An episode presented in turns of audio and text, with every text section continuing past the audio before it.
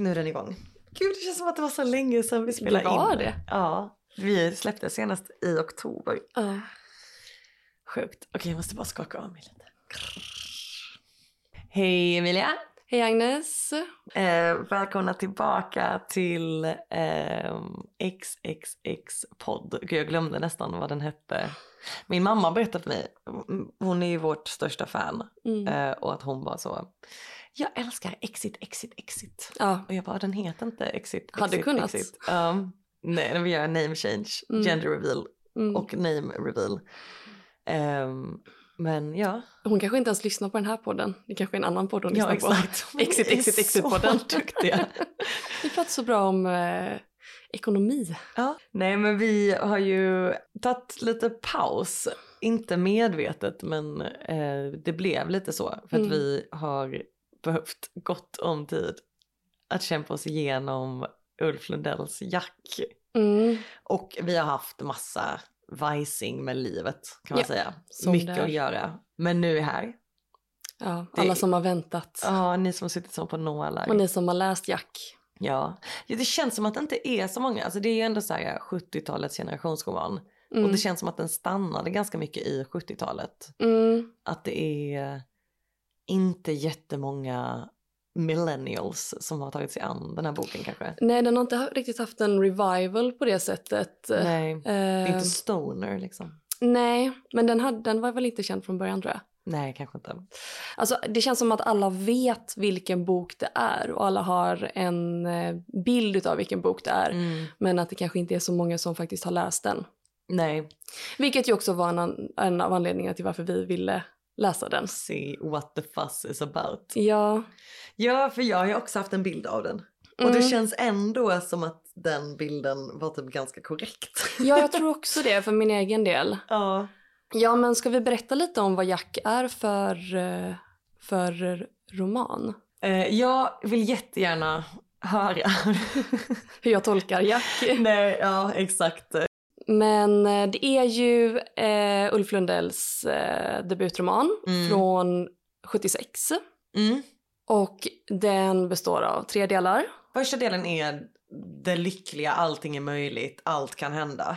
Och mycket så, jag, skick, jag har liksom något annat sånt citat när det är bara så rumpor, rumpor, rumpor. De går Ja. runt i liksom så ett soligt Stockholm. Och, Ja men det är typ såhär, jag, jag ringer Bart och bara vi måste ta bilen och spana brudar och då är det bara att de kör runt och så här, visslar på brudar på stan typ. Mm. Och bara vi hittar några men de kör ju bara förbi då. Alltså det är bara, Mm. ja, det är bara så här, det är sommar, det är Gotland, det är Stockholm, det är liksom eh, erigerade penisar typ. Ja men det är bara fest och fylla och verkligen känslan av att allt kan hända. ja. Och andra delen är ju depression. Det är ju den här dagboken då, Mm. så det är liksom datum för datum. Exakt.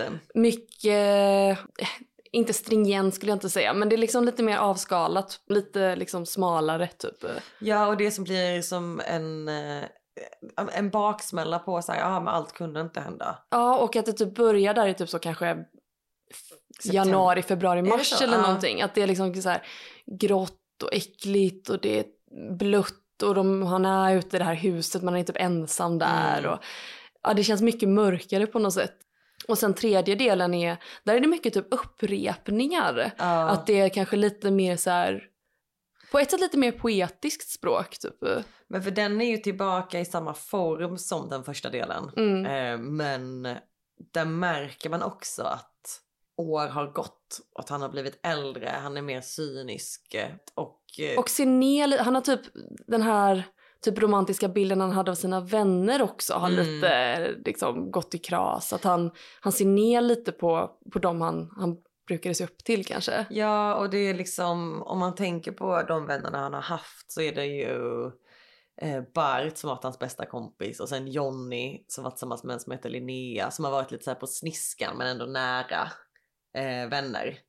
Men Ja. nu i sista delen så är det ju nästan bara Jonny som är kvar och han skriver ju uttryckligen typ att han bara jag tycker inte om Jonny så mycket. Nej, och Och han är liksom har, den som är kvar så det är han jag får hänga med typ. ja, och Johnny har också typ ett, ett fast jobb, ett bra jobb liksom på... på, ti- nej, på, på, på produktionsbolag eller tv. Ja, typ radio eller tv tror jag. Ja, och han är så stolt över det. Och det passar inte heller in i hans bild i så här fuck etablissemanget typ att han ska vara en mediaperson. Sen också en passus, eh, för att jag eh, i den här, alltså tredje, så, tredje delen, så Jonny tar liksom, han är fotograf också. Mm. Så han har tagit liksom bild, han ska ta bilderna till den eh, liksom eh, kommande skivan som han ska släppa då. Och sen så kollar jag lite på min, min utgåva eh, av Jack. Så kollar jag lite så här, ja men just det den här bilden, för det är ett foto på framsidan, så kollar jag vem som har tagit det. Och då är det en eh, Joakim eh, Strömholm. Mm. Och så kollar jag lite så här, kollar upp honom typ. Eh, och då har han en känd pappa som är fotograf. Och att jag läste typ någon intervju eller någonting med att de hade typ bott i hans gamla lägenhet och bara, ah, men det är han som är Johnny. Det är också kul att den bilden på ditt omslag är så jävla Bob Dylan. Det är verkligen, jag, hade någon sagt att det här är Bob Dylan så hade jag sagt absolut. Ja, visst. Ja, Ja. ja exakt. Ja, men det är de och sen så är det ju då Harald som är dealern. Ja. Som, han är ju inte med i tredje boken så mycket förutom, När han dör. ja, spoiler. Men Mm. ja. Och han var ju med lite mer i första delen som Ja. en liksom, ja men drog Och han är ju också enabler liksom. lite såhär, alltså han känns verkligen såhär the cautionary tale. Eller han är såhär äh, skuggsidan om man nu ska prata Mm. Jung igen. Ja. Att han är det. såhär äh, som det kan gå. Mm, Som det skulle kunna gå för dem alla. mm, Eh, men nu var det Harald det hände. Att de, i, visst i början när han introduceras är det ju ändå att han bara såhär, oj han röker jättemycket, han är festar mer än de andra. Men eh, de, de andra är ju inte heller så blyga med eh, substanser liksom. Och det känns väldigt mycket som att han är, alltså det här att växa upp, för det handlar ju mycket om också att växa upp på något sätt. Och bli äldre i den tidiga 20-årsåldern. absolut. Och att Harald är den som hamnar på sniskan i gänget och att han är, det finns någonstans där i att det är så här, det här, it could have been any one of us. Men nu blev det Harald och det är typ så här, det passar att det är Harald för att han hade redan det, he had it coming for him typ. Mm. Ehm, och att ingen finns kvar där för honom, ingen är längre kompis med honom, han har driftat iväg liksom, kan inte ha ett jobb och kan inte ha en tillvaro och dör en drulledöd av Mm. att han går ner i en, en eh, Rulltrappa. rulltrappa som går uppåt och liksom snubblar och slår ihjäl sig. Ja, verkligen. Jag har inte tänkt på det på det sättet, men så är det ju såklart att eh, det känns som att det var någon gång där i första bok, eller i del ett, där eh, Jack då bara nej fan jag ska inte röka braj mer. Och att det var ändå så ett, ett viktigt beslut att ta för att annars hade han kanske liksom Blivit. slutat ja, Ja. på samma sätt. Den är ju uttalat liksom lite självbiografisk. Mm. Men jag tänker att så här, för jag har funderat lite på hur man ska förhålla sig till det. Liksom den självbiografiska aspekten. Och jag tänker att för egen del så är det typ ganska bra att lägga bort Ulf Lundell som person Mm. och kolla på romanen som verk eller Jack som person. Mm. Och inte kanske liksom blanda ihop dem för allt för mycket. Ja, jag har inte haft honom med mig så mycket i läsningen heller. Mer än i början fick jag samma grej som när jag läste Paris Hiltons självbiografi. Att jag liksom hörde honom läsa. Mm. Och det, alltså det var verkligen att jag så fick så stanna upp i läsningen och bara nej, jag kan inte ha liksom Ulf Lundell som en slags ljudboksinläsare av den här i mitt huvud. Dels för att det var liksom, det blev jätte, för då hör man också hans här gammelmansröst och eh, lite obehagligt när han pratar mycket om eh, glida in fingrar i springor och sånt. Mm. Men också bara för att han, det blir så långsamt. Mm. Jag kan inte läsa den här boken så långsamt. Men redan där har vi väldigt olika upplevelser för att jag har liksom innan det här, innan jag tog upp Jack så hade jag liksom ingen aning om hur Ulf Lundell låter. Han har Nej. liksom inte funnits i mitt medvetande. Mm. Men kanske börja där. Typ, vad är din liksom, relation till Ulf Lundell? Eh, noll, verkligen. Mm. Alltså eh, ingenting, eh, såklart. No off him. Ja, exakt. New of him hade liksom en bild av att han är liksom, ja men eh, en rockgubbe typ. Mm. Och har ju liksom såklart haft lite koll, eller så här, har ju fått en bild av eh, honom genom typ Fittstim Mm. och hela den grejen, vilket jag tänker att vi kan prata lite om sen också. Ehm, och sen eh, har jag väl hört hans, eh, liksom han har ju gjort en miljard olika låtar så att det är klart att man har hört hans låtar men aldrig liksom aktivt lyssnat på honom. Ja men ungefär där är jag i Mm. mitt Ulf Lundellande. Det känns ju på något sätt som att jag har mer en relation till honom och jag vet inte varför det gör det för det, Det är för att du jag älskar Jag trivs Gubbar. bäst i öppna landskap. Ja, det en, alltså min enda starka relation till Ulf Lundell är att jag älskar öppna landskap. Mm, Och det är en toppenlåt och det Mm. kan ingen säga något annat om. Och den borde bli, som många andra jag tycker också, Sveriges nationallåt. mm, Eh, men alltså utöver det, jag såg den här dokumentären som släpptes om honom på SVT för typ två, tre år sedan kanske. Och då lärde jag ju mig hur mycket som helst som jag inte hade någon aning om. Jag har aldrig läst någonting av honom. Jag har inte heller lyssnat på någon av hans musik. Eh, och bara så här, jag vet inte, jag tror att jag kan vara lite så, vara lite gubbkär typ mm, och eh, gilla en, en, en röjig problematisk gubbe. Mm. Lite som så att jag älskar typ Charles Bukowski. Mm. Ja, för det är ju det som är, och sen nu när vi har läst honom så har jag ju ändå, alltså inte, jag har liksom googlat på honom, lyssnat på lite intervjuer och sådär. Lyssna på lite låtar. Lyssnat på lite, jag har faktiskt inte lyssnat på en enda låt kan jag säga. Ja. Men eh, då har jag liksom fått en, en, en bild av honom som är just att han är liksom den här lite, ja men är en gubbe, men han är väldigt konsekvent. Han är liksom en konsekvent gubbe. Han Mm. är, han är ganska liksom sann mot typ sig själv eller det han tycker och har liksom typ mycket så samma tematik. Han, det känns som att han håller fast antingen, det är ju liksom lite både och där, att det både är beundransvärt att någon kan hålla fast vid sina åsikter på ett sånt sätt, men också lite så här stelt liksom. Eh, Men det är också någonting med att han känns som att han alltid har varit en gubbe. mm, Eh, men det är också kanske för att eh, värderingar och samhällsnormer har förändrats. mm, Så jag tänker bara på, eh, det är ju en hel del i den här boken som känns lite så här metoo, höja på ögonbrynen. mm, Eh, kanske på en, en, en, en mildare nivå liksom, men det är mycket så här äh, grabbigt liksom. En Mm. grabbig syn på kvinnor och på typ sex och sexualitet och relationer Mm. och, och sånt som känns väldigt så kvar i honom och som Mm. passar in i det här som du sa med Fittstim, med liksom Carolina Ramqvist-grejen som vi kan snacka mer om sen. Men eh, att det är liksom, som du säger, det är liksom konsistent. Att det är bara att han alltid, vad fan är det klart man ska få vissla på en tjej, det är ju Mm. bara en komplimang. Att det, det har alltid funnits där, ingenting kan förändra det. Det är fortfarande så. exakt. Ja, men jag har också fått den uppfattningen. Och sen så vet jag inte, han har ju skrivit eh, sina, eller han släpper ju sina dagböcker nu då, vardagar. Mm. Jag har inte läst dem och skulle nog inte göra det heller. Men eh, där, an, alltså, jag undrar hur, liksom, hur hans synsätt är i, i de böckerna. För att typ hans senaste sommarprat från 2020 så var det fortfarande, han liksom vurmar mycket för typ så naturen. Men och jag lyssnar den, på det också. Mm, Det, det är ju det, den rösten jag hörde när jag läste, att det är så här. 19 januari, Stenshuvud. Jävla turister. ja, Skräpa ner här uppe. Man kan se ända till Kåseberga. Ta en promenad. 15 grader. Gå hem igen. Som jag har fattat det så är det exakt så vardagar är skriven också. Jag har Mm. fått en bok som jag har i bokhyllan men jag har inte öppnat den. nej. Vågar inte. Nej, jag lyssnade ju på hans gamla sommarprat från 82 tror jag att det var. Mm.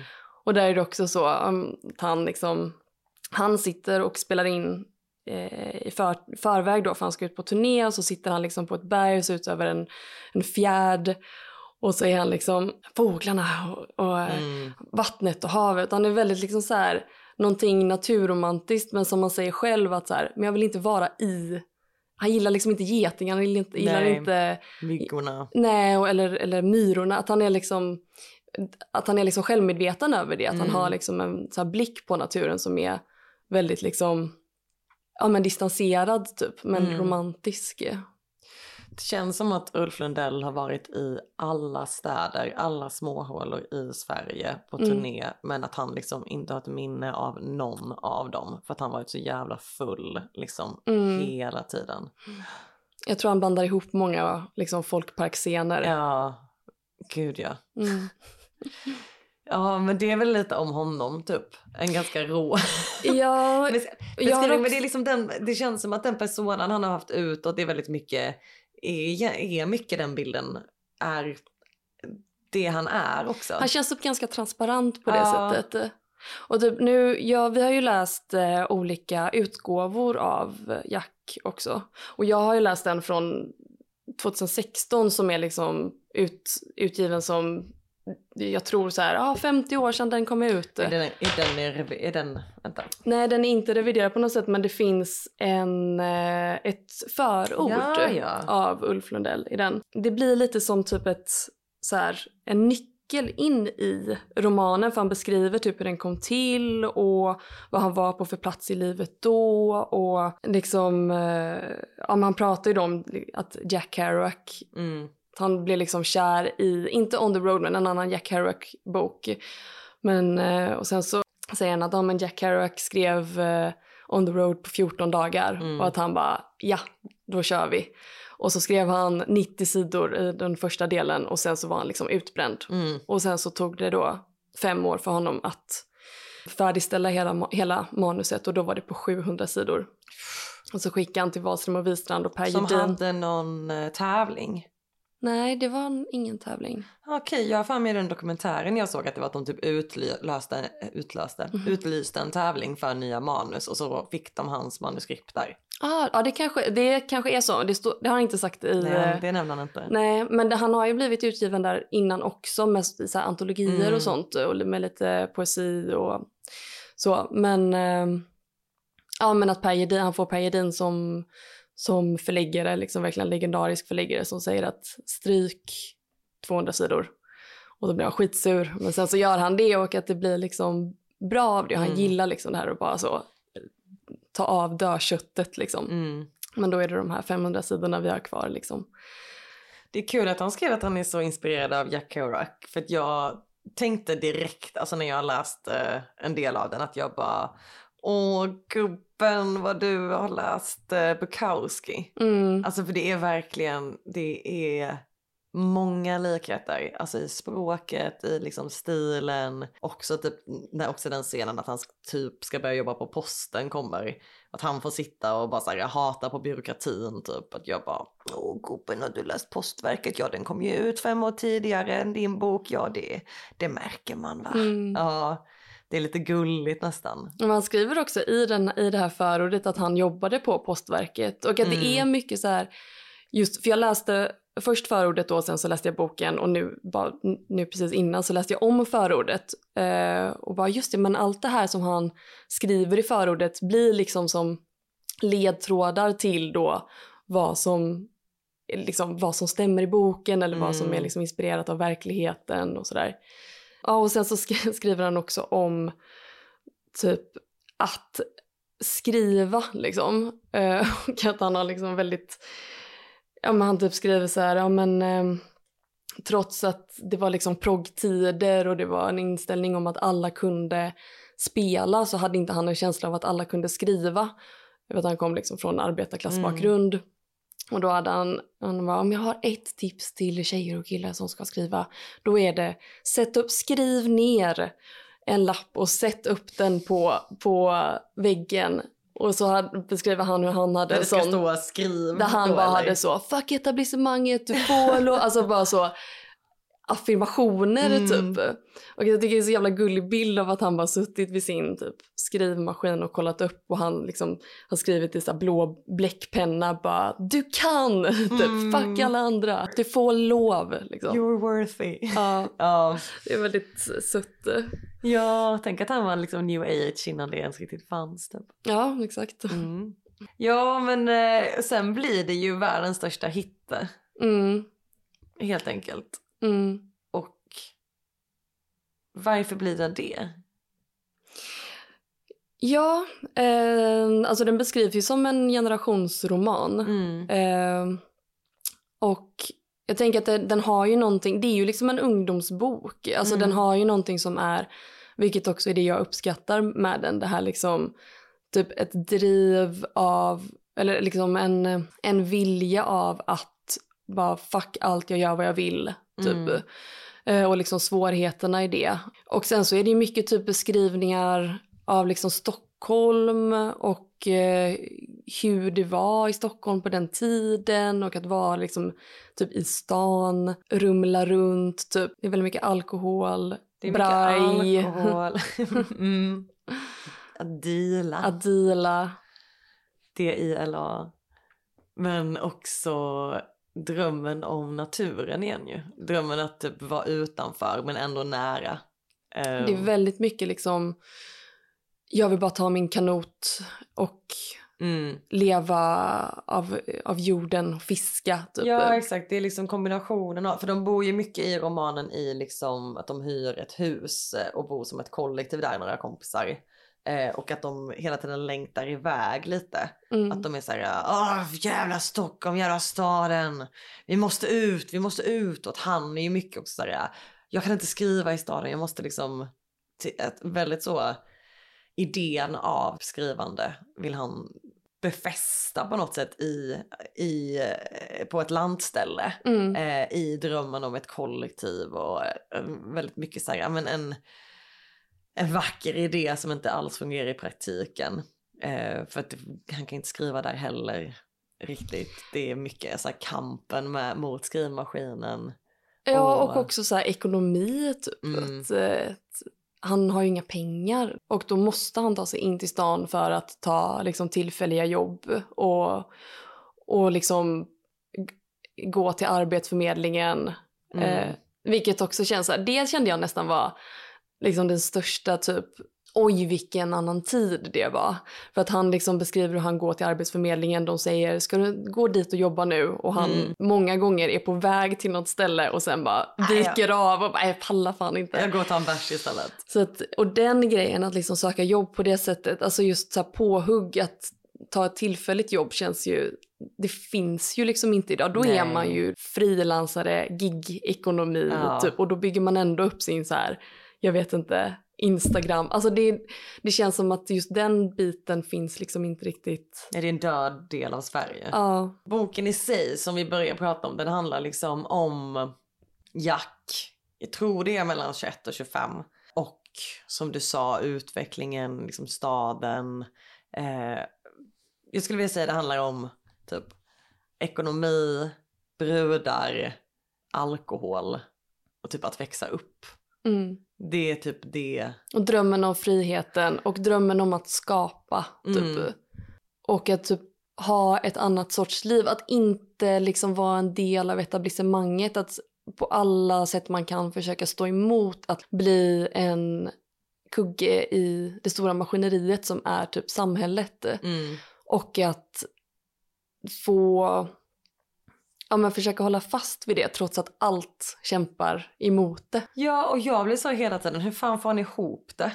Han lånar ju pengar Han hela lånar tiden. ju pengar, han pantsätter grejer. Ja. Men det känns ändå som att det typ inte borde räcka. Nej, Att det är så här, för jag tycker alltid det är så fascinerande om, för det, det, det var någonting jag tyckte om med den här boken som var att det är liksom drömmen om det bohemiska livet, om att typ fucka etablissemanget, ägna sig åt det kreativa, supa, bo i ett kollektiv. Eh, en väldigt romantisk bild av det som huvudpersonen då när. mm. Och sen så skildrar den väldigt tydligt, för det är, jag tycker det kan vara ganska härligt att läsa om det, att när det typ går kämpigt, eh, att det alltså speciellt när det typ romantiseras, och även när det går kämpigt att det liksom går dåligt, så finns det ändå en romantik i det. Men att i den här så vi, finns det verkligen sidan av hur fucking dåligt det typ man mår. Mm. Att speciellt i del två så mår eh, Jack inget bra alltså. Nej. Och det är tungt att läsa. Alltså det, han lyckas verkligen tycker jag att få till hur jobbigt det är att vara utanför samhället. I att inte ha ett fast jobb, att inte ha en inkomst, att typ inte ha riktigt något ordentligt driv eller också den här känslan som man kanske väldigt mycket känner just i den åldern också av att vara syfteslös. Att inte ha något mål. Och Att vara sökande. Att vara sökande och att andra vänner liksom, man splittras i gruppen och man råkar, ja ah, men nu blir det den här som blir kvar, då får vi väl bli kompisar när jag egentligen är bättre kompis med Bart. Mm. Men han har börjat jobba på bussbolaget och fått liksom en trygg flickvän och köpt något hus eller någonting. Och kollegor Ja. som man inte tycker om. Och... Och Ja. den, jag tycker den skildrar det väldigt bra i att typ så här, romantisera och krossa den romantiska bilden. Mm. Och- Ja, och väldigt mycket om liksom alkohol och droger. Eh, alltså kanske särskilt, eller framför allt alkoholen. För att Mm. han röker ju mycket i början men sen så är det som att han nästan lägger bort det lite. Mm. Och jag är så, nej men jag ska inte röka, röka braj längre. Men just alkoholen, att den är väldigt svår att liksom stå emot. Och att det är så lätt att falla in i det. Liksom. Att det man, han tänker att han inte ska och sen så blir det ändå så. Och just det också som en typ en bromskloss för andra grejer. Ja och att det är liksom och att det är mycket roligare att dricka alkohol än att ta sig i kragen. Ja, Det är mycket roligare att vara på konstnärsbaren och eh, ha en vild kväll och ragga på brudar än att jobba. mm. Den handlar ju också mycket om typ eh, jag vill liksom inte säga relationer, men det, jo det är kanske relationer, så här, kärleksrelationer eller så. Men han är ju ganska... Jag, vet, jag tycker att det är svårt att typ prata om den här boken utan att, utan att ta in liksom vad man har hört och, eller att ja, det är gubbigt och sådär. Och visst att liksom Jack är ju en misogyn pojke typ. Mm. Men det är ju karaktären Jack som är det. Han är liksom en misogyn pojke. Och eh, han har ganska svårt med kvinnor. Mm. Men jag tycker att det är ganska bra beskrivet faktiskt. Gud ja. Och att liksom han börjar med att så här, för hela typ första, alltså första och nästan andra också delen är ganska så här, han har ingen tur med, med tjejer. Han får liksom sällan ligga, det blir aldrig någonting, han Hans får bästa kompis har alltid tur. Otrolig tur, ja. Och alltid, ofta är det att de hittar två tjejer och han är intresserad av en men då är den intresserad av Bart istället. Mm. Ja, och så att han ändå är liksom, beskriver sig själv som en loser typ. Mm. Och sen så blir, får han till slut någon tjej som han är liksom så head over heels förälskad över vid första anblick och så dejtar de ett tag och så är, inser han att nej men jag vill inte ha ett förhållande och det här är inte bra nog. Alltså, att Mm. Jag tänker att det handlar också om typ idealen om att vara fri. Eh, att för, för Jack så kan inte han bli fången i en, en parrelation för Mm. att det är inte det som frihet är. Nej exakt och det är ju så snyggt beskrivet också för att det inte formuleras rakt ut heller utan Mm. man förstår, det är verkligen alltså när man läser den att man bara åh du är den här killen, jag har dejtat dig. Mm. Du är den som bara såhär Åh nej, vadå är du kär i mig nu? Och man bara nej jag är inte kär i dig nu. Bara, Åh jag, vill, ja, jag vill nog inte träffas mer. Bara, Åh, och sen har visat jättemycket affection och kärlek för en själv innan. Ja, exakt. Vad heter det? Kanske Emotional, kanske men. Mm. Han är en typisk kanske man. Och att det handlar jättemycket om det här. Jag bara okej men du är 21. Du är inte mogen typ för en relation. Idén, dels det, dels idén om typ, eller tanken av, som det känns som att många män, kanske framförallt, eller nästan män, Mm. när, som är typ så här, aha men vadå ska jag bli locked up nu i en relation? Och att kvinnor de är bara härliga så länge de vill ligga och vara fria men så fort det är typ så här, hallå du sårade mig idag när du sa det här. Jag bara nej men nu, nu blir det för mycket här, nu backar jag, det här gillar inte jag. Jag har någon, jag ska se om jag kan hitta några, för jag tänkte jättemycket på det så jag började fota massa passager. Mm. Men jag ska, kan läsa några olika, men här är ett stycke. Till och med Bart Eh, började äntligen inse att kvinnorna i verkligheten inte alls var att likna med de kvinnorna man kunde beskåda i mittuppslaget i vissa tidningar. Till och med Bart, den stora drömmaren och romantikern. Det är eh, att de är så, de hittar, de vill ha någonting. För han är ju en romantiker samtidigt, det är ju det som är grejen. Han vill, liksom längtar ju efter kärleken. Eh, men i nästa uppslag så står det också utanför ICA mötte jag en ganska behaglig brud som tyvärr hade fel brallor på sig. Men trenchcoaten var snygg. Ja, och det är ju någonting också med den här, är det Tim, det är någon han dejtar i slutet där i alla fall som har så här träplatåskor. Som Mm, han det tycker är väl helt... Malena. Malena kanske, ja. ja, som han tycker är helt vedervärdiga. Ja. Och att han liksom då, de skämtar lite om det, liksom, de sinsemellan. Men att han liksom pratar om sin estetik och sitt liksom, alltså, estetiska öga. Men han kan tänka sig att ha överseende med de där liksom, skorna och typ någon kjol hon har eller någonting, jag vet inte. Men att sen när han väl ska typ lämna henne eller liksom inte vill vara med henne längre så har han det också som en så här, "Ja, men jag tyckte ju alltid, jag tyckte alltid att hon hade fel skor. Mm, och hon hade den här Lenin-affischen på väggen. Och Ja just det, sån hon var inte påse. riktig eh, arbetarklass. Nej. Jag har ett som jag har sparat, ett citat som också är med, med Bart. Mm. Eh, Eh, lycka till, sa jag. Jag visste att det skulle vara lönlöst att försöka sig på några slags grundliga genomgångar av hans kvinnosyn. Om Bart hade bestämt sig för en filmstjärna så var det bara så. Det skulle inte spela någon roll vilka argument jag kom med för att försöka få honom att förstå att pappers och filmscreensbrudar, det var en sak. Tjejerna i det verkliga livet, det var en annan. Det verkliga livet, skulle han svara. Vadå det verkliga livet? Vill du påstå att film inte är en del av det verkliga livet? Och det är ju kul just i det att de har, han har, förstår ju det på ett plan. Och det förstår man ju alla, men sen när det väl kommer till praktiken att själv utöva det liksom att, ja men vad är en verklighetens kvinna då? Vad innefattar det? Men det innefattar ju också att ha typ känslor. Mm. Eh, så är inte det lika kul längre. Mm. Att det ska vara väldigt mycket på hans premisser och att de ska vara en yta, en projek- projektionsyta för honom, Mm. de här kvinnorna. Och så fort de liksom visar någon slags tredimensionalitet så tappar han suget. Ja, för han vill ju inte heller ha en självständig kvinna. Han vill ju inte ha de som hänger honom i hasorna, men inte heller de som... Alltså som den här Sonja verkar ju vara ganska liksom fri. Mm. Ja, Men det tycker han ju inte heller är... Det är inte heller någonting för honom liksom. nej ingen är bra nog. Mm. Jag ska se här. Jag tror detta är också då från när han pratar med, han pratar med Marlena som han är tillsammans med, som är en relation som, man, som kommer i slutet av boken som man känner typ så här, man bara oj men det här är typ en ganska bra relation. Mm. De verkar ha det fint tillsammans. Hon är en äldre kvinna med ett barn som kan stå på sig ganska mycket och han verkar känna sig trygg i den relationen. Och så är det att de sitter och pratar om sin relation Eh, undrar liksom hur det är med den egentligen. Och eh, så säger Jack då att det börjar limma sig. Och så undrar hon, vadå, vad menar du med limma sig? Så säger han, ah, vad fan, det börjar limma sig. Vi bara går på i ullstrumporna som förr, som alltid, som om allt ordnar sig ändå.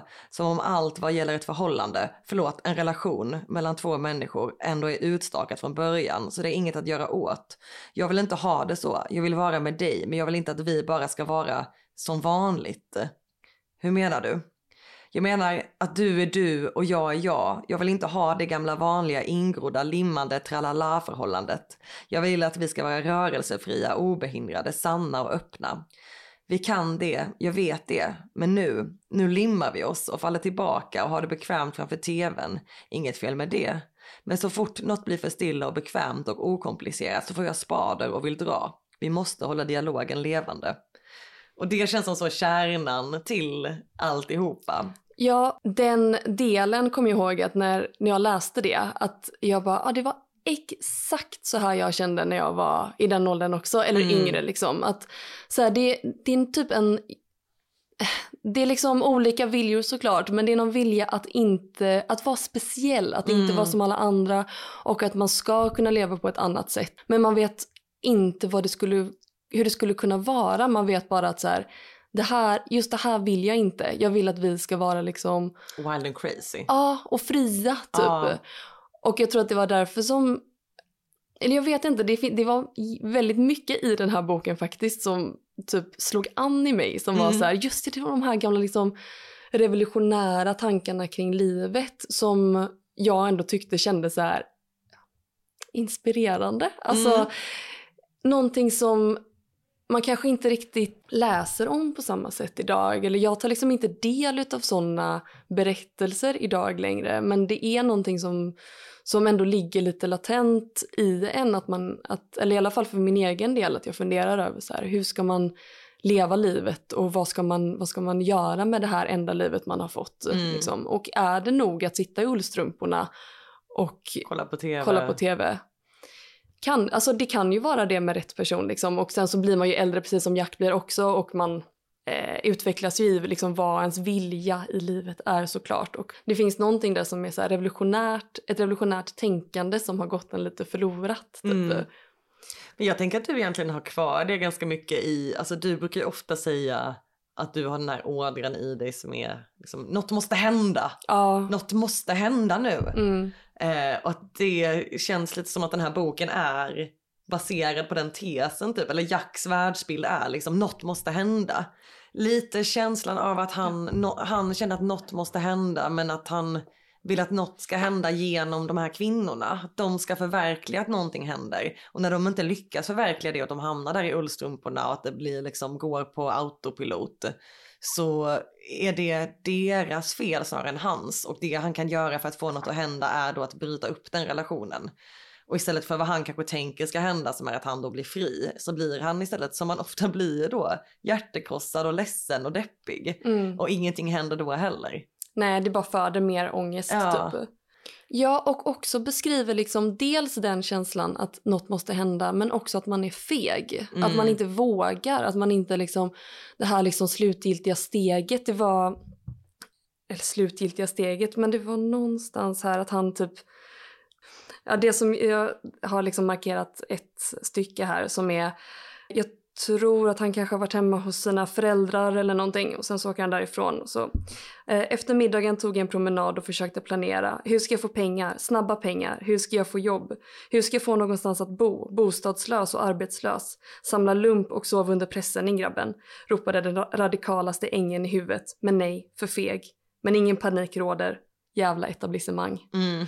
Och att jag bara, ja men kan typ Du har Alltså, tänkt exakt den tanken. Exakt de tankarna har jag tänkt. Att Mm. bara skit i allt, bara åk ut. Och det, det är också så jävla snyggt när han får de här revolutionära tankarna. Typ jag tror att det är första delen när han ska liksom, han, de har rökt massa braj och han kickar ut sina kompisar ur hans hus och sen så bara åker han till Stockholms central och ska ta sig ner, ska ta sig ner i Europa. Till- Ja just det. Och sen så bara, eller till Malmö är det Så kanske. har han inte pengar till biljetten? Eh, det är typ att han kommer dit och sen så går nästa tåg om typ så tre timmar. Ja det är för lång tid. och han bara nej nej jag kommer, momentum, momentum kommer liksom vara slut om Ja. tre timmar. Jag måste iväg nu. Och så går inte det och sen så kommer han hem istället. Mm. Att bara, ja exakt, exakt så är det liksom. Du har stått där på Göteborg central. Ja och jag tror också att hade han liksom satt sig på det där tåget så hade han liksom kommit till Nässjö och sen så hade han hoppat av och, och åkt hem igen Mm. liksom.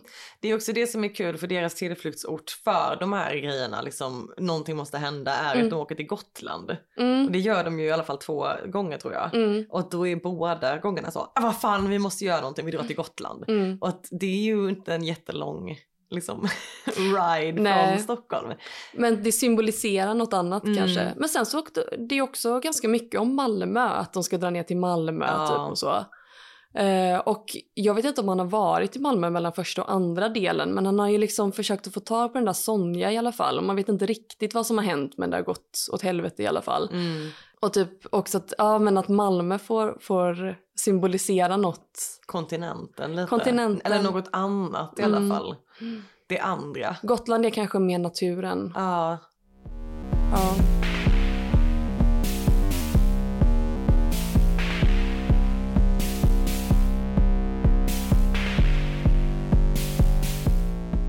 Fanns det någonting i den här boken som, som inspirerade dig? Känner du igen de här, tan- liksom, de här tankarna som jag har, har gått i?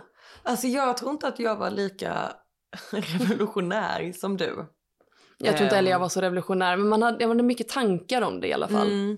Ja men det hade man ju. Mm. Och att man var mycket så. Jag var ju ganska eh, provokativ i min ungdom. Det var ju verkligen så feminismens, eh, feministpiken då jag var typ 20, 21.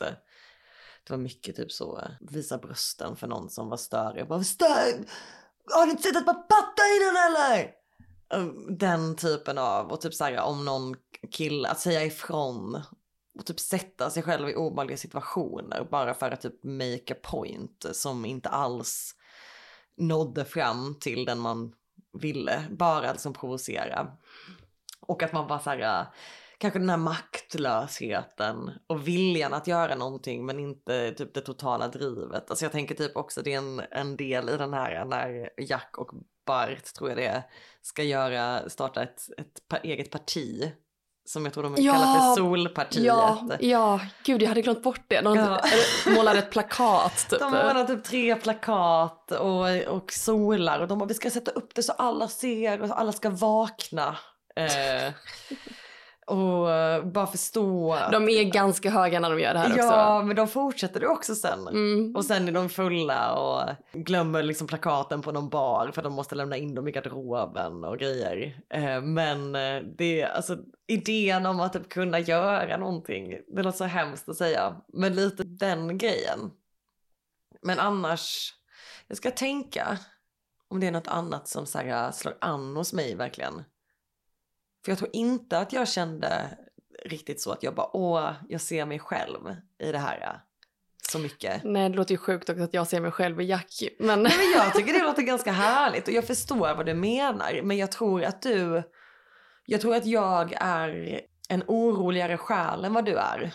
Vilket gör en fegare eh, i val i livet.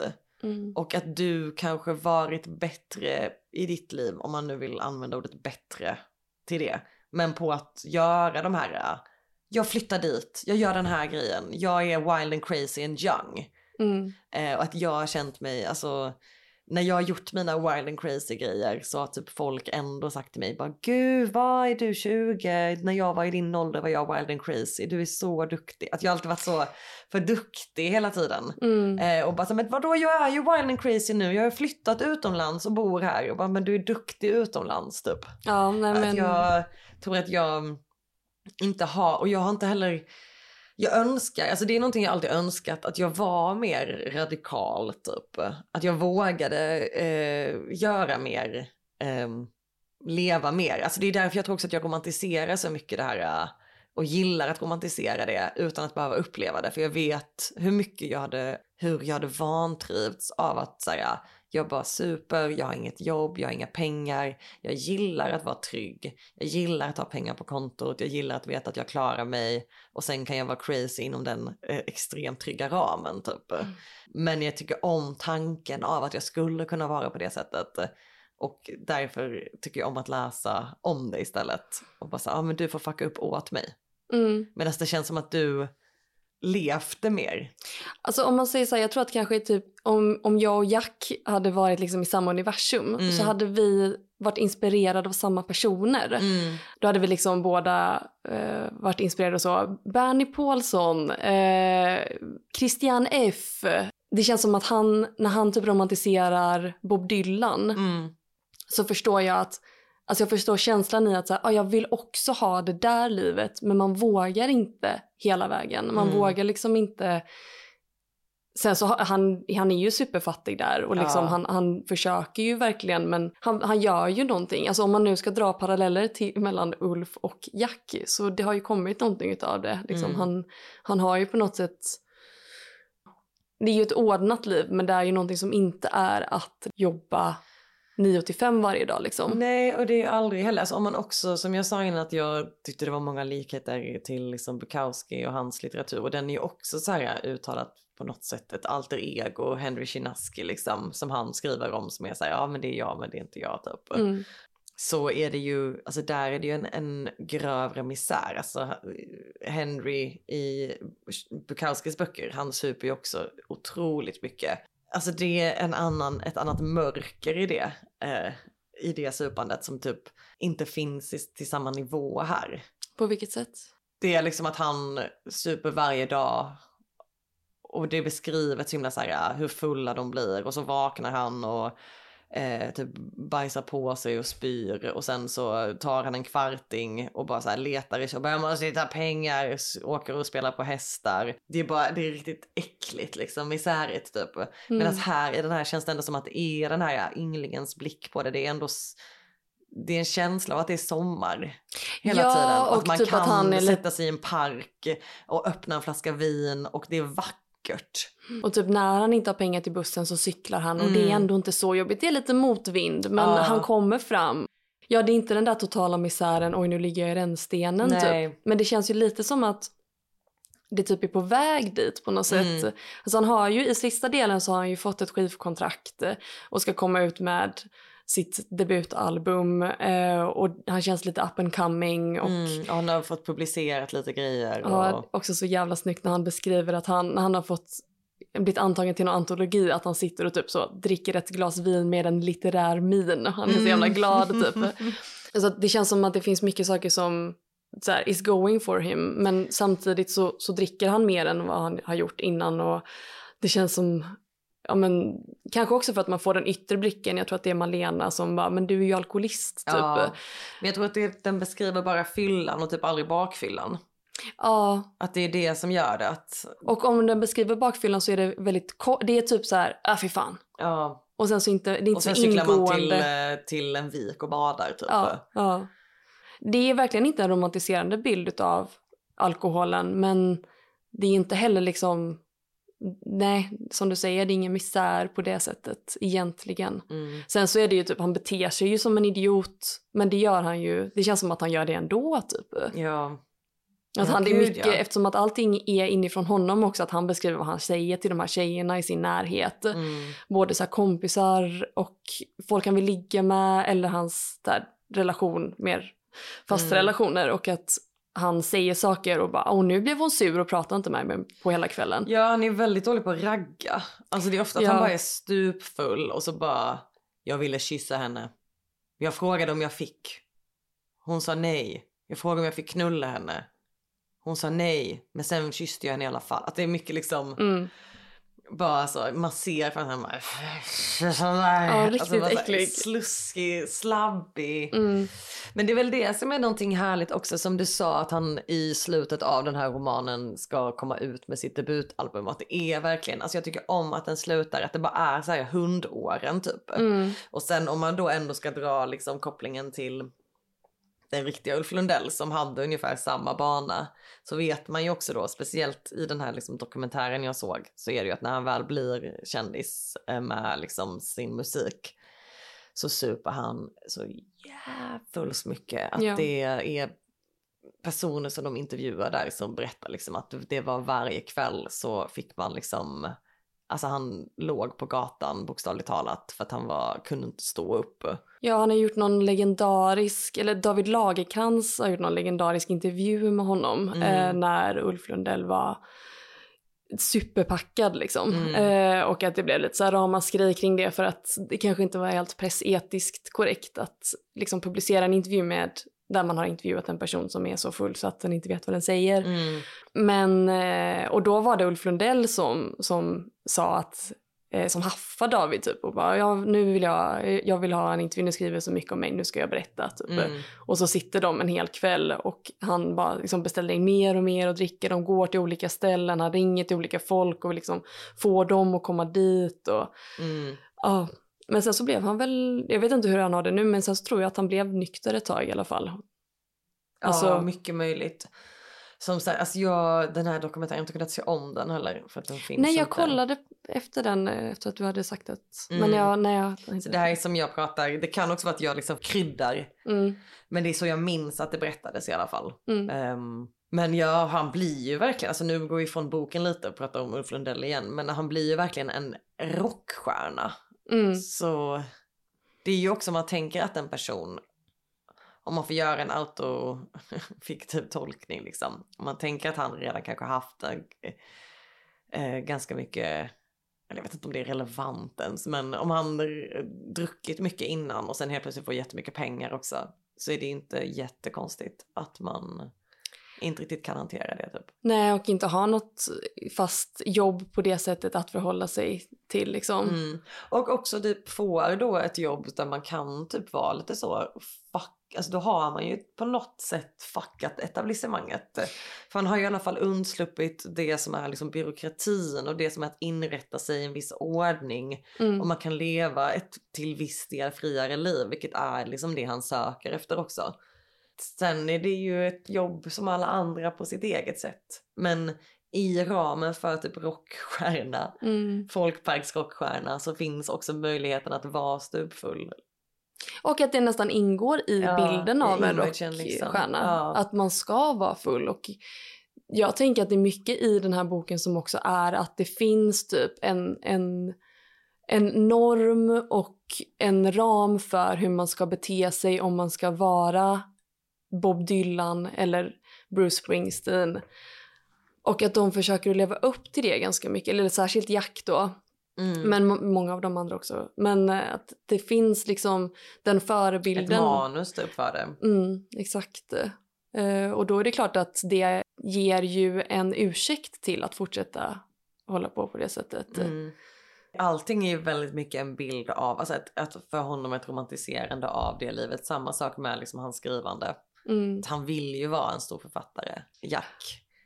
Han vill ju sitta på kammaren och han skriver, det är ofta liksom så här att han ska sitta och skriva, det gick jättebra, det gick jättedåligt, kan inte skriva, gick, kan skriva mm. eh, och vill förverkliga den bilden av Mm. sig själv. Han skriver ju ingenting i första delen eh, och det står också i det här eh, förordet till min utgåva eh, av han själv då, Ulf Lundell, att han eh, som sagt skrev ju den här första delen i ett liksom, rus och bara så här, spydde ur sig 90 sidor eh, och sen så gick han in i typ någon slags vägg med den här Mm. boken. Och sen så flyttar de ju till det här, eh, alltså, och det gör han i verkliga livet, till den här Vianhem eller vad det heter, Mm. det här kollektivet. Och eh, utanför Norrköping. Och där skriver han eh, annan prosa och skriver, alltså har en skrivdagbok. Och sen så flyttar han därifrån och in till Stockholm igen och då får han en tanke av att ah, men man kanske kan föra ihop de här två delarna. Eh, så att andra delen är typ som hans, det är en skrivdagbok, alltså Jacks skrivdagbok. Och jag tycker det är så, den, den ja, för börjar- du gillade inte den delen. Nej, jag, det, jag tyckte det var så, jag hade så jävla svårt för andra delen. Alltså Ja. det var, det tog mig, jag vet inte hur länge att läsa den. Alltså det var så kämpigt. Men jag tyckte det var väldigt roligt i bör- i början för att den börjar liksom med någon så här, typ bilder från Vietnam Mm. eh, som han bara har fått på hjärnan som han som typ attackerar honom. Att han bara fy fan, fy fan, fy fan. Och sen så blandas det ihop med någon så här, han sitter och skriver på en annan text och i den så skriver han typ en sexscen. Ja. Och sen så blir han så kåt av att skriva den här sexscenen så att han måste runka. Mm. Och så är det någonting med att han, kokar, han typ kokar kaffe och sen så glömmer man bort det.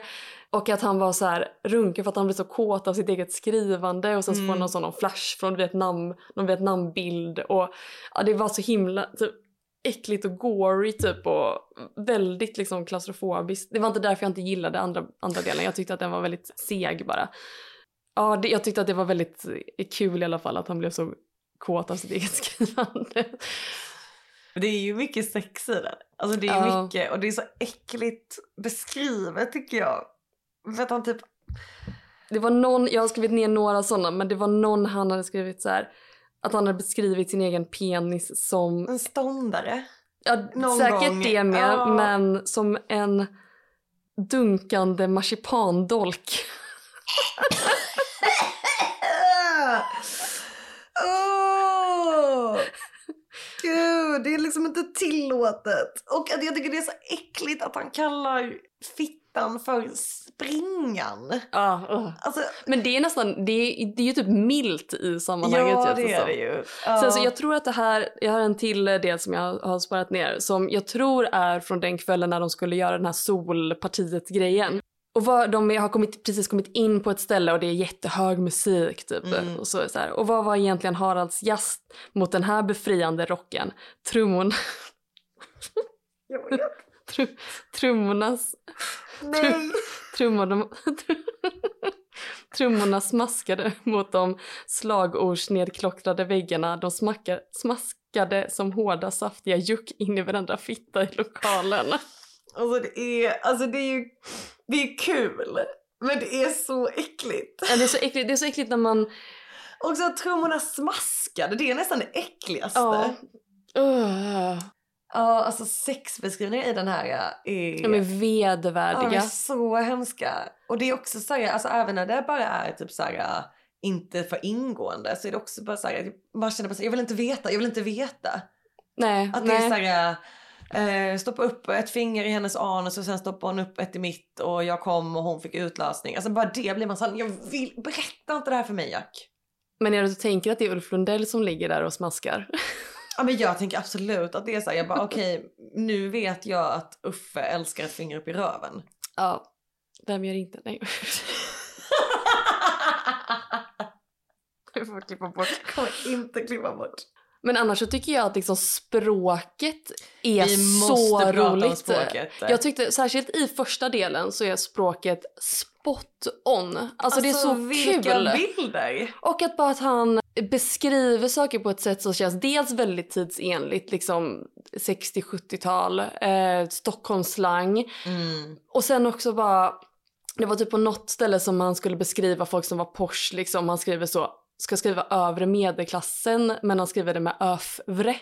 Och att jag bara, det här är så, det är så smart liksom. Mm. Alltså det är någonting som är, jag tycker att det är ett väldigt levande och mustigt språk. Ja, typ. han är ju verkligen, alltså han jobbar ju nästan bara med alltså symbolik och metaforer och bilder i varenda mening i princip.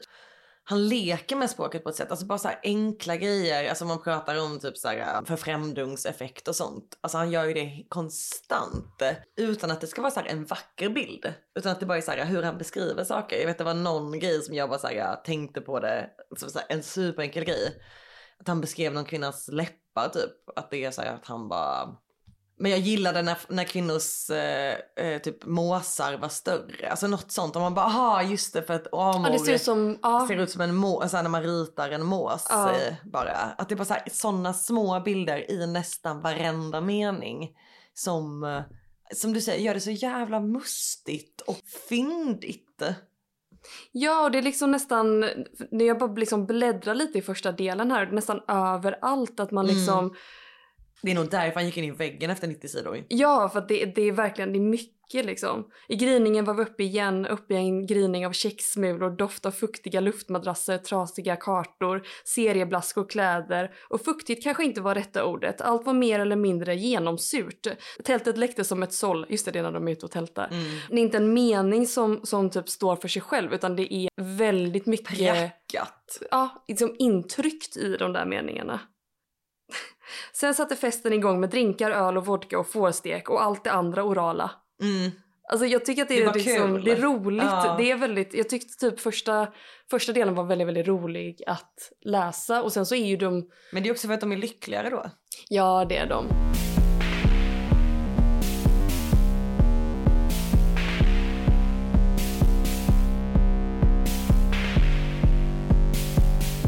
Den här Linnea-karaktären känner jag nog ändå att han har ganska bra relation med. Kanske den bästa av dem alla nästan.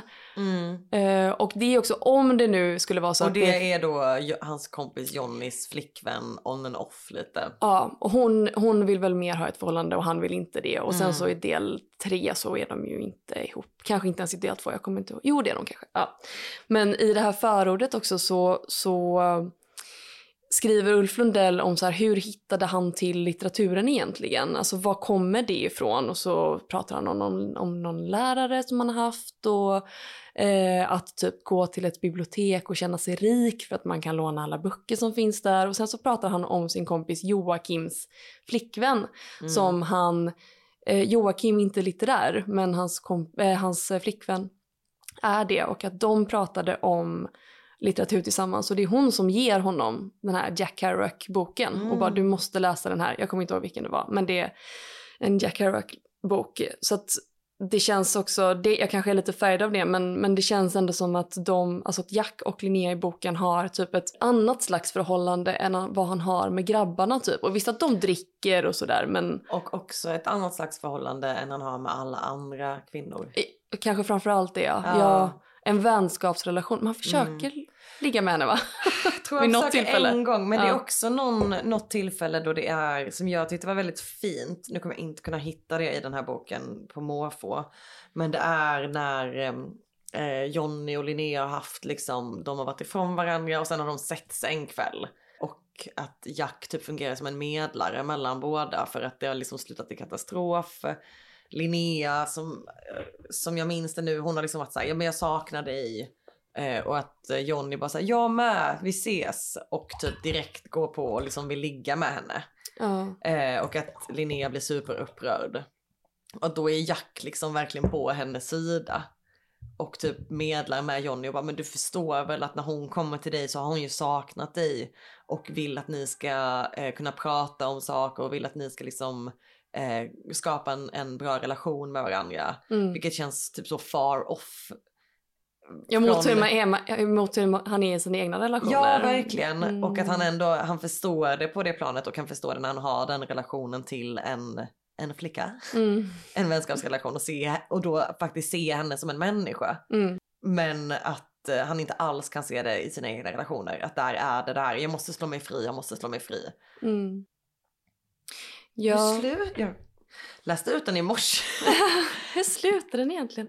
Den slutar med att han cyklar iväg va? ja, Men han, han har, visst har han precis varit på det här midsommarfirandet? ja, exakt med Marlena. Eh, Och deras relation håller på att rinna ut i sanden. mm. Och det är ju också en jävla scen där på det midsommarfirandet när liksom männen helt plötsligt börjar slå kvinnorna.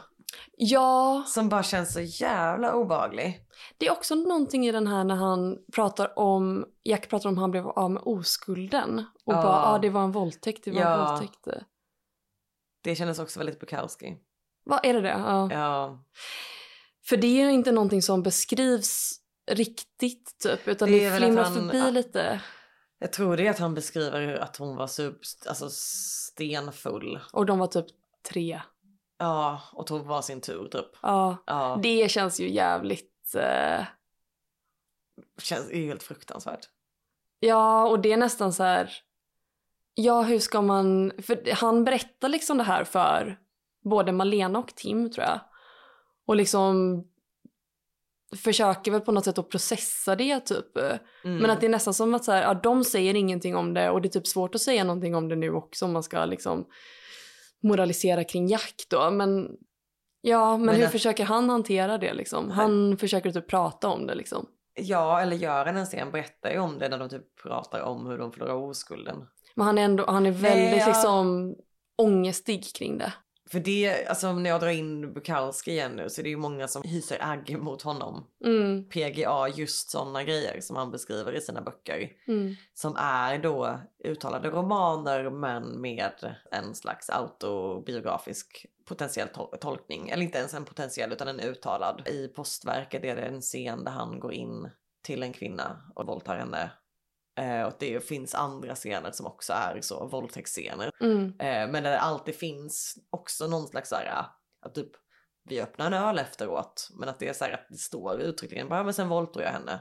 mm, Och att det är många som är så här, ja han är en våldtäktsman, han är fruktansvärd, ja, och han är cancelled. Och mm. det är också så här att man bara, ja vad ska jag göra av det här? Det är ju tillbaka till verk och personfrågan. Och speciellt när det är liksom en, en roman.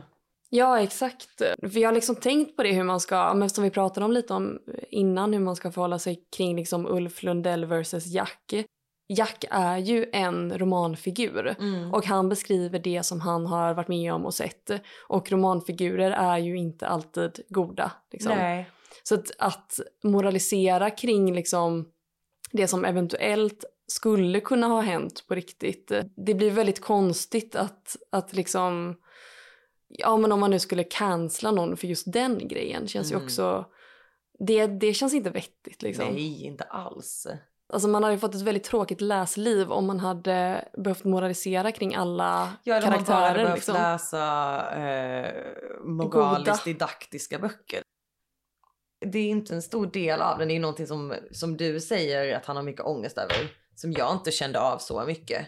Eh, utan mer bara såhär, oh det här var, hände det var lite jobbigt. Mm. Eh, men, och det är inte en stor del av boken. Det nämns en gång. Mm. Och sen tror jag att det nämns en annan gång att han typ såhär, ja, Ja, han åter... Nej ja. men att han, typ om Malena, Malena vill ha sex utomhus. Och hon bara, har inte du haft det någon gång? Han bara, jo en gång när jag förlorade oskulden men det räknas inte. Typ. Ja just det, ja så kan det nog vara. Ja. Och sen eh, det här med att ha- han har ångest över det, ja det kanske är bara jag som tolkar det. Alltså Mm. så kanske det inte är. Nu kommer inte jag ihåg riktigt vad han säger kring det men Nej. jag, som jag kommer ihåg det var det att han ville liksom prata mer om det med den här Tim. Och att hon bara inte vill prata om det, vilket Mm. man också kan. Förstår. Ja. Och den, som sagt den utspelar sig på, alltså bara den här scenen då när de blir slagna. Mm. Alltså det är på den här midsommarfesten så eh, är det att Malena han eh, är tillsammans med en journalist på någon eh, tidning och att hon börjar bråka med en annan skribent på tidningen som säger att han är mycket bättre skribent än henne. Och att hon liksom pratar tillbaka och säger att du är skit. Och då knockar henne, liksom boxar henne i ansiktet. Är Och liksom... Jack ser ju inte det här utan hon kommer till honom och är typ blodig i ansiktet Ja. och han bara vad är det som har hänt och så förklarar hon exakt det här, vad det är som har hänt. Ja, och sen går hon och en annan kvinna ut och, och slår ner honom med så nycklarna mellan fingrarna typ. Va? Nej, det är väl att han ska, han ska åka därifrån. Han får typ, han bara nu ska jag härifrån och så jag måste, jag tar förstod han- det som att de knockar sönder honom. Nej, han tar bilnycklarna för att han ska köra men han är aspackad. Så här står det. Ja, Där stod Malena och snackade med Kerstin och de var enormt upprörda och uppe i sluttningen under lampan i eken gav HK sin hustru en riktig avhyvling. Det är liksom en annan ja det är en annan. Det ja. är Mm. chefredaktören som Mm. ger sin fru en avhyvling. Kerstin kom strax efter honom och Charlie vek av in i veteåkern och de skrek jävla hora och förbannad idiot och andra trevligheter och så hann Kerstin upp den betydligt fullare Charlie och slog ner honom och ett tag låg veteåkern alldeles stilla igen. Men sen sågs en figur resa sig och komma upp mot huset och det var Kerstin och i handen dinglade bilnycklarna. Ja men det Men var det ju, tolkade jag som att hon hade såhär Nej. eh, knogjärnat honom. ja jag tolkar det som att han är alldeles för full och ska ta bilen hem. Han har fått nog med allt och bara jag ska, jag ska dra hem och så ska han ta bilen. Och då vill inte hon att han ska köra så hon kommer och tar bilnycklarna och sen så börjar han ju bara gå därifrån. Ja. Att han bara, ja fan jag skiter i det här. Ah. Så börjar han gå ner för, eller för vägen just typ. det. Ja, det är jag som hade varit violent mild mind. Eller typ en eh, feministisk handling. ja, verkligen. Nej men för jag blev lite, jag bara så men gud. Ja, ja. Det kan ju ha varit så också. Ja. Jag tolkar det som att hon bara inte ville att han skulle köra. Typ. Men det är också, det är också en del av det liksom okommenterade våldet och typ misogynin och sånt eh, Mm. eh, som finns i den här boken som bara är där. Som också känns som typ så här, kanske en skildring av en tid. Väldigt mycket som bara fladdrar förbi okommenterat. Mm. Liksom. Och väldigt mycket, alltså, ja men en kvinnosyn som är väldigt rutten. Men, Men på tal om rutten kvinnosyn och så, ville du ta Fittstim och... ja, nej, men jag vet inte hur mycket jag har att säga om det egentligen. Men eh, jag tänker att det ändå kan vara bra att typ dra för att det känns som att det är en ganska stor del av hur man ser på Ulf Lundell nu. Det är en stor del i liksom berättelsen om vem han är. typ. Ja, och det är återigen det här förordet då att det är en, en av de absolut första sakerna han nämner i det här förordet. Det är också någonting med att det känns som att han själv inte kommer över det typ.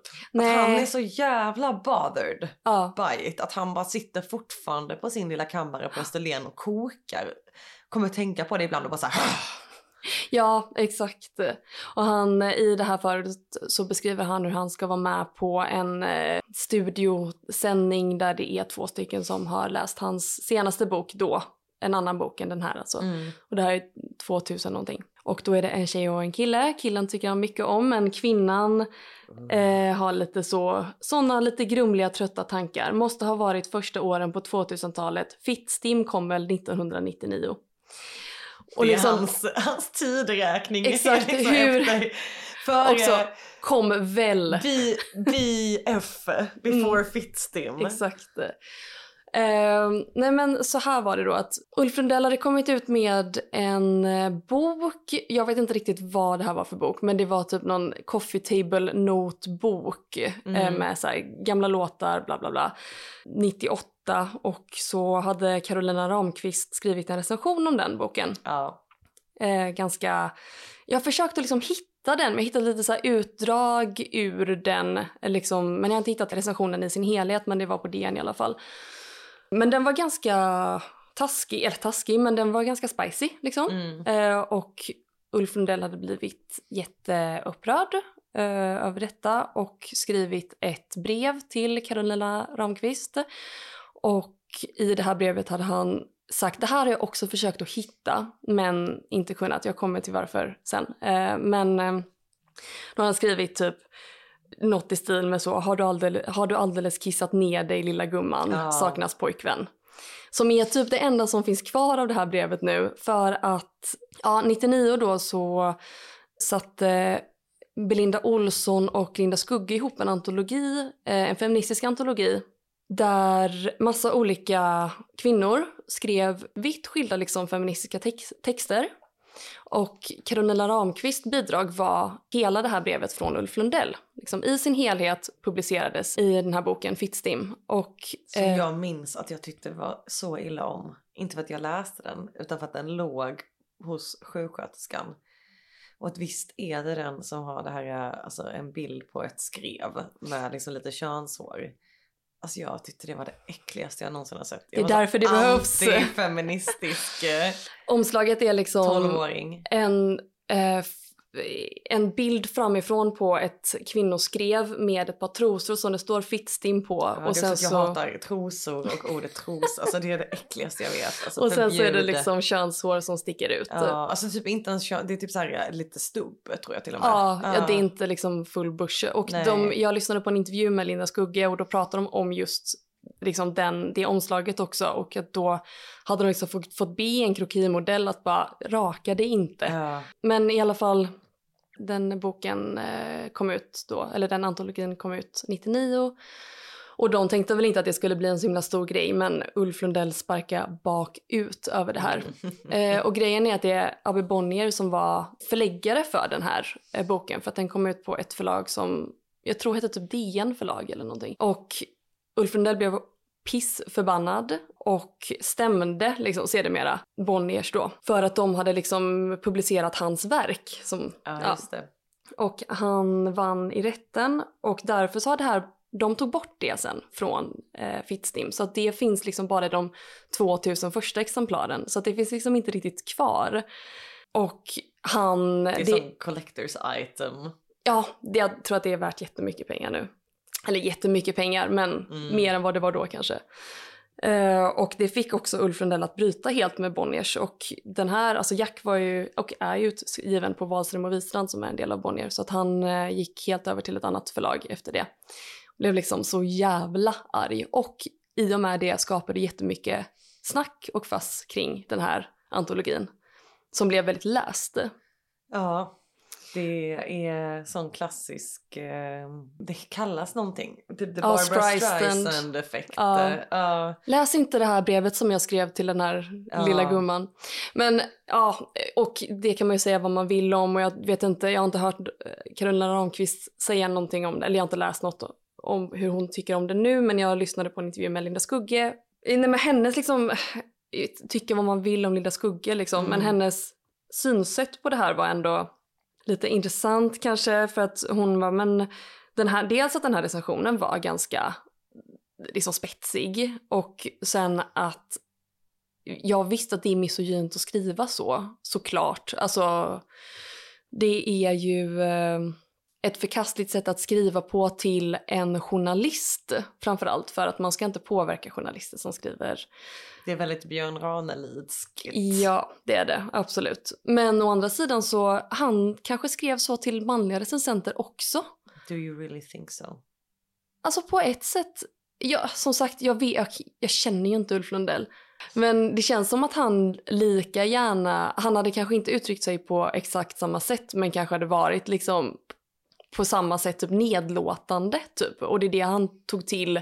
Alltså misogynin är ju inbyggd i språket. Ja. Men att tracka ner på en journalist, det känns som att han har gjort många gånger. Ja, Och han skriver ju, jag, som sagt jag har inte läst vardagar, men i vardagar så skriver han ju skit om jättemånga journalister. Och det är därför den har blivit så himla stor. ja, för att det blir en skvallerbok liksom. Ja. Det blir, och det är årets happening, typ Nobelpriset, Augustpriset och att se vem Ulf Lundell har nämnt i sin bok typ. Och så är det alla kul- kulturjournalister i Stockholm som sitter och bläddrar i den och bara Eller så eh, typ var står jag med? Var står jag med? F-ar sitt namn liksom. Ja, exakt. Nej men jag tror absolut att han har, alltså det är ju verkligen det här det Ranelidska beteendet liksom att typ attackera. Mm. Eh, och det kan jag verkligen tänka mig. Sen tror jag kanske inte han gör det då i nu längre i så fall. Som sagt ingen aning, spekulationer Mm. att han ens gjort det. Mm, Men för att han fått utlopp för det mm. i vardagar liksom. Mm. Vi snackade lite om det innan. Nu går jag ifrån fittstimmet. Mm, jag gör det. Jag simmar mot fittstimmet.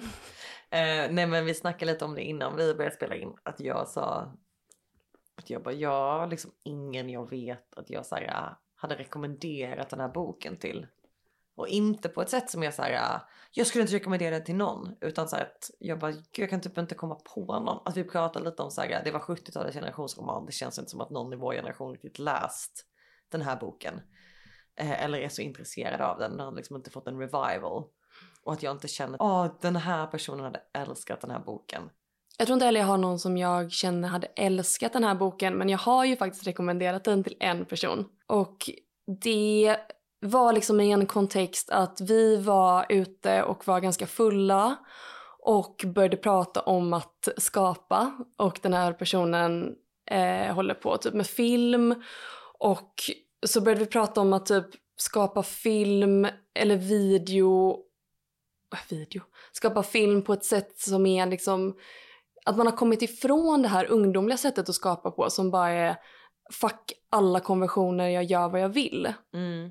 Och i det då, eftersom att jag har Ulf Lundell så nära till hands, så var jag så men du borde, du borde läsa Jack för att just att få den där gnistan som är lite, en, lite revolutionär gnista. Sen vet jag inte om det hade funkat heller eller om det går att översätta på det sättet egentligen. Men, men jag kan ändå tänka mig att det finns någon slags en nostalgisk revolutionär känsla. Mm. Men jag, det finns Känner ju, du att du fick den gnistan av att läsa Jack? nej men jag kände igen, igenkänning och också för att jag går lite i såna här tankar nästan hela tiden i livet som är hur ska man leva sitt liv? Vad är egentligen värt någonting?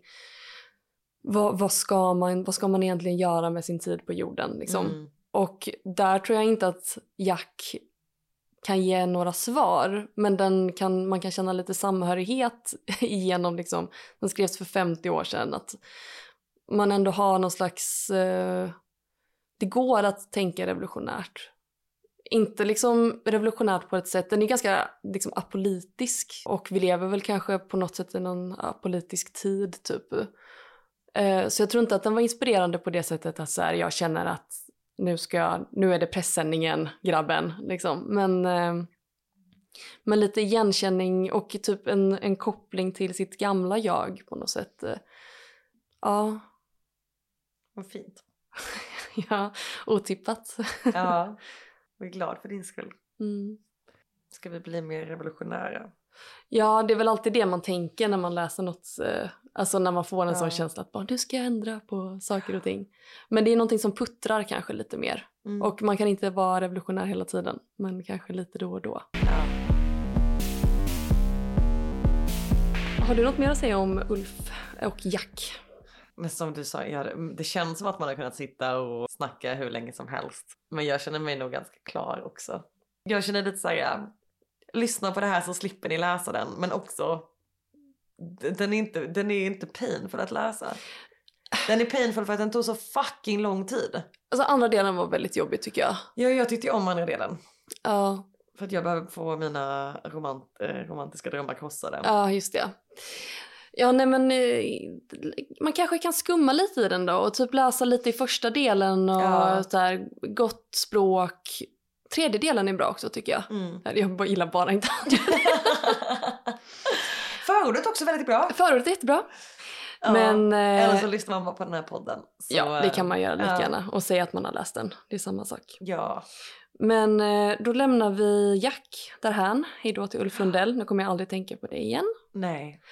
Och till nästa gång ska vi läsa Jackie Collins Det låter jättekul. Hollywoodfruar. Ja. Eh, så om man vill följa med och läsa, vara med på vårt litterära även- äventyr så kan man läsa Jackie Collins Hollywoodfruar. Men annars så säger vi hej då för idag. Hej då Emilia. Hej då Agnes! Jag trivs bäst I öppna landskap.